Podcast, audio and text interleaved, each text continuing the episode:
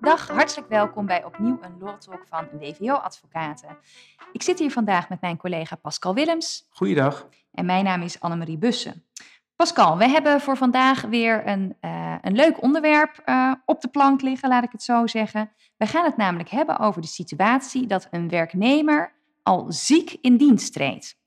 Ja, ziek of beperkingen heeft. Hè? Want dat, uh, die vragen krijgen wij regelmatig. je neemt iemand aan, je bent, zeg ik altijd, zakelijk verliefd. En uh, net na de proeftijd, toevalligerwijs altijd. Net Meestal wel, soms nog in de proeftijd. Ja, maar net na de proeftijd uh, valt iemand uit, uh, wegens ziekte. En dan komt de werkgever er linksom of rechtsom achter dat, of meent erachter te komen, dat is natuurlijk ook een dingetje, dat de, de medewerker al klachten had voor in dienst treden. Dus met die klachten en al in dienst kwam, alleen op dat moment dat niet gemeld heeft. Um, en, en eigenlijk gewacht heeft totdat hij ontslagbescherming heeft. Ja, en u zult misschien wel denken, hé, hey, maar daar heb ik toch al eerder een law talk over, uh, over gehoord. Dat klopt, wij hebben inderdaad, vorig jaar hebben wij ook al een uitspraak besproken waarin een werkgever na een aantal maanden na ziekmelding van een werknemer er dus achter kwam dat de werknemster bij haar vorige dienstverband ziek was uitgevallen aan het reïntegreren was, inmiddels tot 36 uur um, um, aan het werk weer was en toen bij de nieuwe werkgever in dienst was getreden. Voor 36 uur? Voor 36 uur. Ja. En daar heeft de werkgever toen succesvol uh, de arbeidsovereenkomst buitengerechtelijk kunnen vernietigen wegens dwaling. Ja, Omdat... dat uh, was Lower Talk 38. Dus luister die vooral terug. Um, en wat, uh, wat de reden is dat we hier toch vandaag over weer zijn begonnen, los van de vraag dat los van het feit dat, dat we hier regelmatig gewoon vragen over krijgen, dit altijd wel speelt, is dat onlangs een, een nieuwe uh, uitspraak is verschenen van de, de rechtbank uh, Noord-Nederland, Noord-Holland. Ja, Noord-Holland. Um, die daar ook betrekking op had, op zo, deze kwestie. Ja, en um, hè, volgens mij is de casus wel vrij, vrij overzichtelijk, want het is meestal geen lang dienstverband waar, waar dit natuurlijk dan gaat spelen. We hebben hier een, een werknemster die uh, op 3 augustus 2022 in dienst treedt op basis van een arbeidsovereenkomst voor bepaalde tijd tot 3 maart 2023. Dus nou, de duur is te overzien. En um, op 3 oktober 2022, dus twee maanden later, vraagt deze werknemster of zij thuis mag werken. Nou, werkgever weigert dit dan. En diezelfde avond meldt de werknemster zich ziek. En dan um, één dag later um, vernietigt de werkgever de arbeidsovereenkomst, dus buitengerechtelijk zoals dat heet, met een beroep op dwaling. En wat zegt de werkgever daarbij? Beste werknemster, jij hebt jouw persoonlijke situatie verzwegen bij het aangaan van de arbeidsovereenkomst. En als ik die feiten, als ik die situatie wel had gekend, dan had ik jou helemaal geen arbeidsovereenkomst aangeboden en dan was er geen arbeidsovereenkomst gesloten. Want wat is namelijk uh, het geval, en dat heeft de werknemster dan dus kennelijk ook gedeeld, is dat um, bij deze werknemster um, eigenlijk op 28 september 2022 de diagnose depressieve stoornis um, is vastgesteld en aan haar is meegedeeld. kijk, en dan moet een kantonrechter hier nu gaan beoordelen van ja, zo'n beroep op dwaling. Hè, dat betekent dat dus een van de partijen of beide partijen hebben gedwaald bij het aangaan van de arbeidsovereenkomst. Um, is dat hier aan de orde? En dan moet je als werkgever wel kunnen aantonen dat um, de werknemster, toen zij dus ter krabbel zette, of toen zij uh, de arbeidsovereenkomst aanvaarde, dat zij over zodanige informatie over haar gezondheid beschikte, dat zij daarvan mededeling aan de werkgever had behoren te doen. En um, dan zegt de kantonrechter, nou ja, ehm, deze werknemster had bepaalde psychische klachten. Ze was ook al naar de psycholoog verwezen. En ze was in afwachting van een afspraak met de psycholoog. Maar zegt de rechter, ja, daaruit volgt dan niet dat zij wist of in ieder geval behoorde te begrijpen hoe ernstig het zou zijn en mm-hmm. hè, wat het met haar gezondheidssituatie zou doen. En wat dus de gevolgen daarvan zouden zijn voor het wel of niet kunnen verrichten van haar werkzaamheden. Ja. En dat ze dan dus de werkgever daarvan op de hoogte had moeten stellen. Ja, dus het feit dat iemand klachten had, uh, uh, betekent niet dat dat betekent dat iemand beperkingen had voor de bedongen arbeid. of de, de nieuwe functie. Laat staan dat hij dat redelijkwijs had moeten weten en had moeten melden. Ja, dat, dat, hè, dat zegt de kantonrechter hier wel. En volgens mij komt dat ook omdat de kantonrechter zegt, ja, die psychische klachten die zij dan dus wel al had, en dat wist zij zelf ook wel, Ehm, dat had niet eerder tot ziekteverzuim geleid. Dus het is niet zo, en dat is misschien wel een belangrijk verschil ook met de uitspraak die wij de vorige keer bespraken. Deze werknemster had gewoon wel altijd doorgewerkt. Dus het was niet zo dat zij van, uh, hè, vanuit haar oude situatie waar ze ziek was en misschien aan het reïntegreren was. Nee, maar haar klachten, ze had gewoon altijd doorgewerkt met deze klachten. Waarbij je natuurlijk wel de situatie kan hebben dat iemand toch klachten heeft, ook zelfs beperkingen heeft. Maar ondanks die beperkingen toch blijft werken. Hè, dus het, tegen beter weten in, tegen de gezondheid in, zich bij wijze van spreken naar het werk toesleept. Ja. Um, en dat blijkt ook onderzoek, hè, dat werk is ongeveer het laatste wat iemand die uitvalt op gaat geven. Uh, naar het werk toesleept, daar blijft werken, thuis komt en dan bij wijze van spreken op de bank valt en niks meer kan doen. Ja. Um, dus dat, dat, dat wordt wel vaak als indicatie gebruikt, wat natuurlijk niet altijd even juist is. Uh, maar het is wel hetgene wat zichtbaar is, hè, administratief zichtbaar. Want je hebt je niet ziek gemeld, door het aangenomen, dan zou je dus wel de, uh, de bedongen arbeid kunnen hebben verricht. Ja, nou en, en um, daarom komt deze kantonrechter dus tot de conclusie dat de werknemster um, ja, heeft geen informatie verzwegen die ze wel had moeten delen. En um, de werkgever die wordt dus in die zin op de vingers getikt en er wordt gezegd, ja, je kunt deze arbeidsovereenkomst nu niet op deze manier buitengerechtelijk vernietigen, niet daar een einde aan maken. En hier was eh, een beroep gedaan op dwalingen. Ja. ja.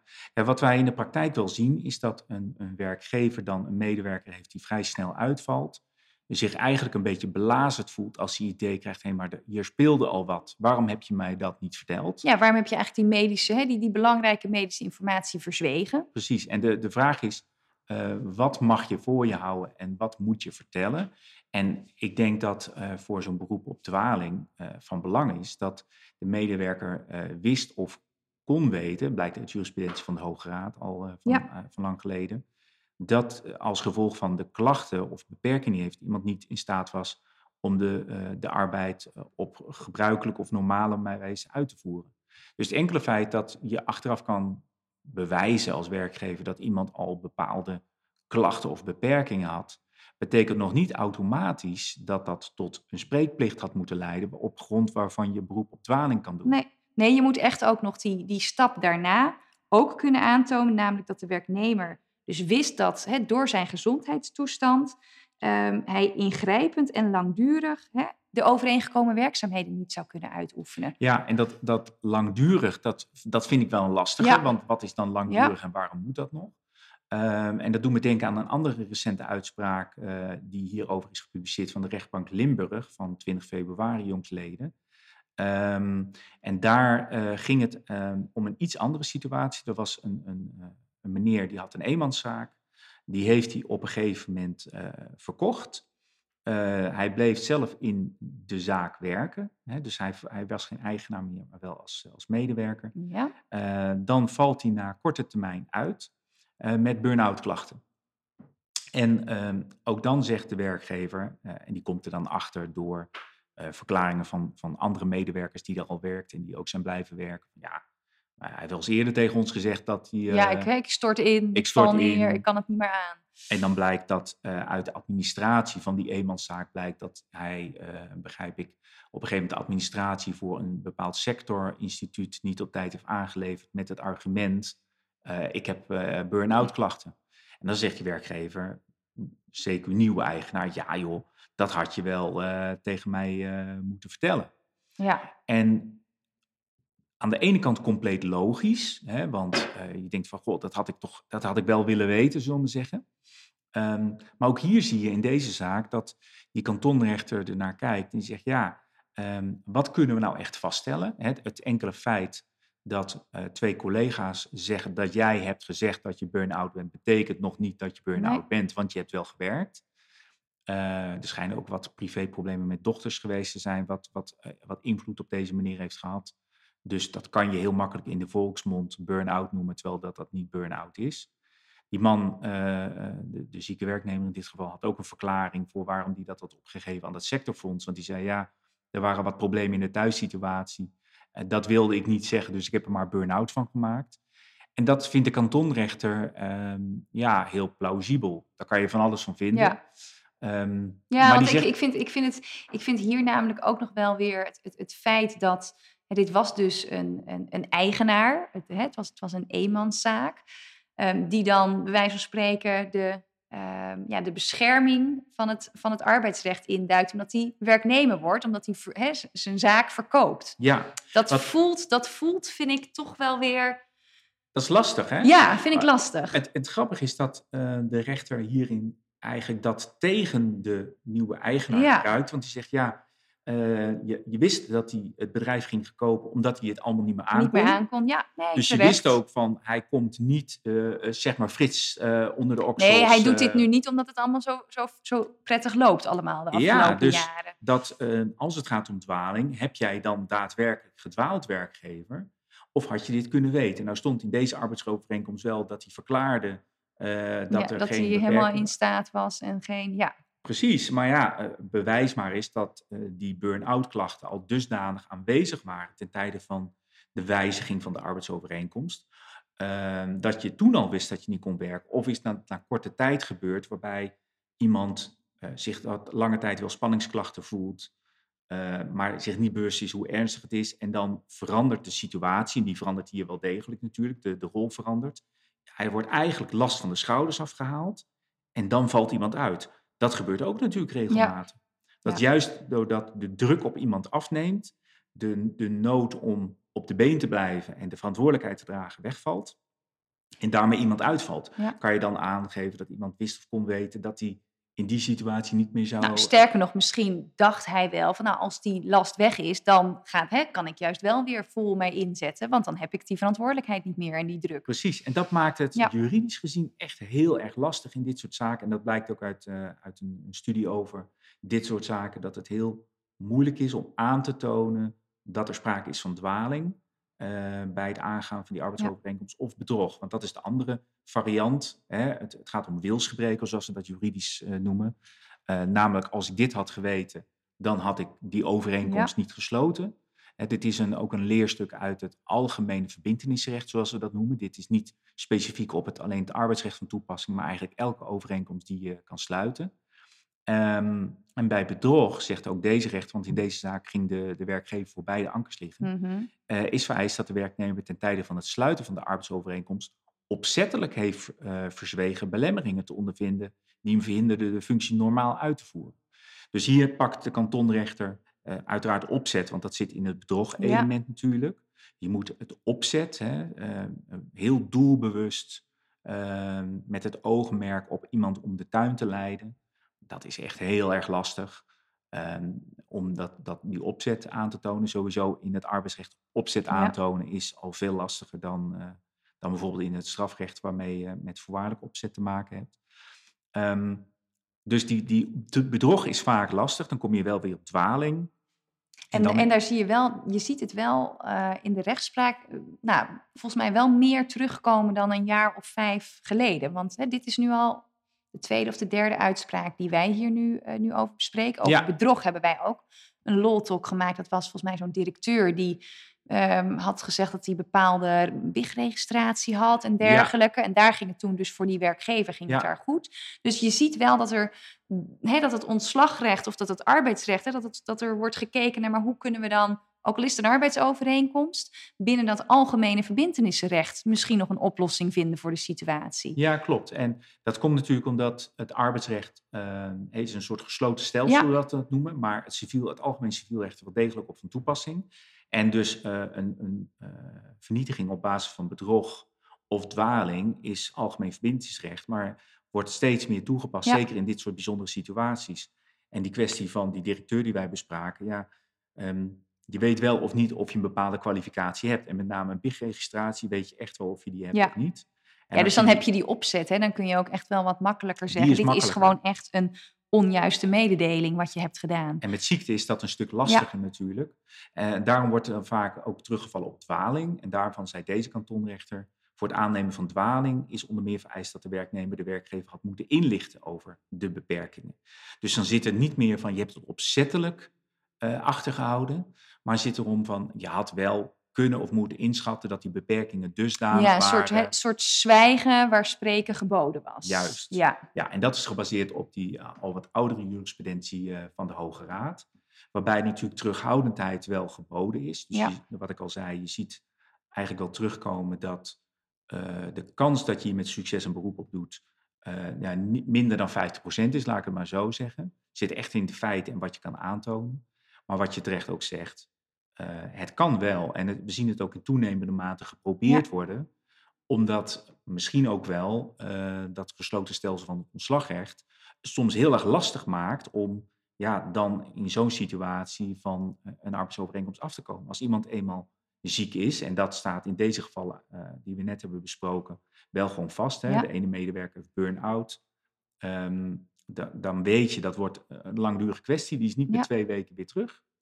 Ehm de andere is ook langdurige klachten, waardoor iemand die werkzaamheden niet kan doen. Ja, dan denk je eigenlijk, ja, maar hier heb ik niet voor getekend. Nee. Eh, had ik dit geweten, dan had ik het niet gedaan. Ja, nou en, en, en dat is misschien nog wel, hè, binnen het arbeidsrecht heb je natuurlijk nog wel die proeftijd. Dus als jij nog in de periode van de proeftijd als werkgever geconfronteerd wordt met zo'n ziekmelding en met dus hè, kennelijk een heel eh, voortraject of al een voorgeschiedenis qua ziekte, dan heb je natuurlijk wel de mogelijkheid om dan van je proeftijd-ontslag gebruik te maken. En dat is misschien nog wel aardig als, hè, nog als klein bruggetje. Maar dan heb je natuurlijk wel een, eh, een werknemer die bij jou ziek uit dienst gaat. Ja, En dat is weer iets waar werkgevers natuurlijk ook niet blij van worden. Zeker niet als ze eigen risicodrager zijn. Want dan, hè, dan ben je dus wel van die arbeidsovereenkomst civielrechtelijk af. Maar dan heb je eh, eh, via de ziektewetuitkering... heb je deze persoon nog steeds die bij jou op het lijstje staat. precies. Wat daar alleen eh, gelukkig dan wel een, een, goed bericht bij is, is dat de Centrale Raad van Beroep daar in, moet ik het even goed zeggen, in 2021 wel een uitspraak over heeft gedaan. Waarbij we ook een, eh, een werkgever hadden die was eigen risicodrager voor de ziektewet. Die neemt een werknemer in dienst op 25 januari 2016. En op 28 januari 2016 meldt deze werknemer zich ziek met psychische klachten. En uh, de werkgever die zegt dan tijdens de proeftijd op, een paar dagen later. Alleen dan komt het UWV dus aankloppen van, nou, u heeft uh, ziekendienstmelding, dus wij komen uh, bij u als eigen risicodrager uh, terecht, omdat er een ziektewetuitkering is toegekend aan deze werknemer. En wat deze werkgever dan lukt, is dat, dat, het, dat zij kunnen aantonen dat deze werknemer al voor aanvang van het dienstverband al ziek was. En dat, dat doen zij onder andere omdat zij aan kunnen geven, ja, maar in december 2015 um, heeft de huisarts al uh, aanleiding gezien voor een doorverwijzing naar de praktijkondersteuner en naar uh, GGZ. En de Centrale Raad zegt dan van, nou, dat is voor ons uh, voldoende indicatie om aan te nemen dat deze werknemer bij aanvang van zijn dienstverband al ongeschikt was voor die functie. Ja, en in die situatie dan wordt dus de ziektewetuitkering niet toegerekend aan deze nieuwe werkgever. Heeft die eigen risicodrager dan een beroep gedaan uh, in de rol van werkgever op uh, dwaling of bedrog? Nee, nee echt in de proeftijd. Het zit hem hierin. Dus er was ja. ook echt een arbeidsovereenkomst van nou, hij heeft zes dagen geduurd. Precies. Maar de werknemer was in dienst getreden.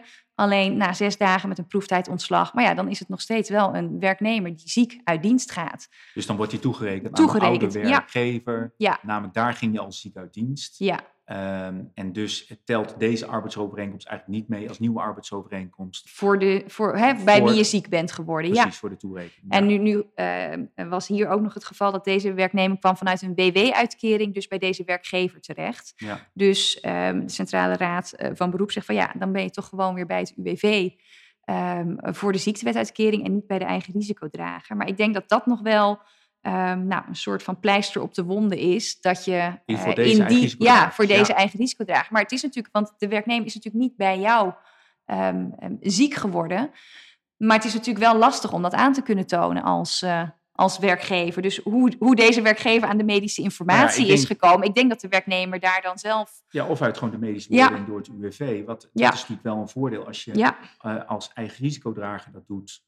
Uh, komt de beschikbaarheid van medische informatie in zo'n zaak wat meer naar boven drijven dan wanneer het puur civielrechtelijk uh, werkgever-werknemer is. Ja, maar het is dus wel denk ik goed om in de gaten te houden of het UWV inderdaad als jij in iemand met proeftijd ontslaat, dat het niet aan jou wordt toegerekend, maar dat je kunt zeggen, je moet niet bij mij zijn. Ja. Want iemand was al ziek, dus of bij de vorige werkgever of nou, vanuit een WW-situatie bij, ehm, bij het UWV zelf. Ja. Goed, nou, ik denk dat we voor uh, veel luisteraars nieuwe stof tot nadenken hebben gegeven. Um, mocht u hier nog uh, opmerkingen over hebben, een toelichting, een leuke reactie, dat vinden we altijd uh, hartstikke leuk. En dan wil ik jullie bedanken voor het luisteren en graag tot de volgende keer. Tot de volgende keer.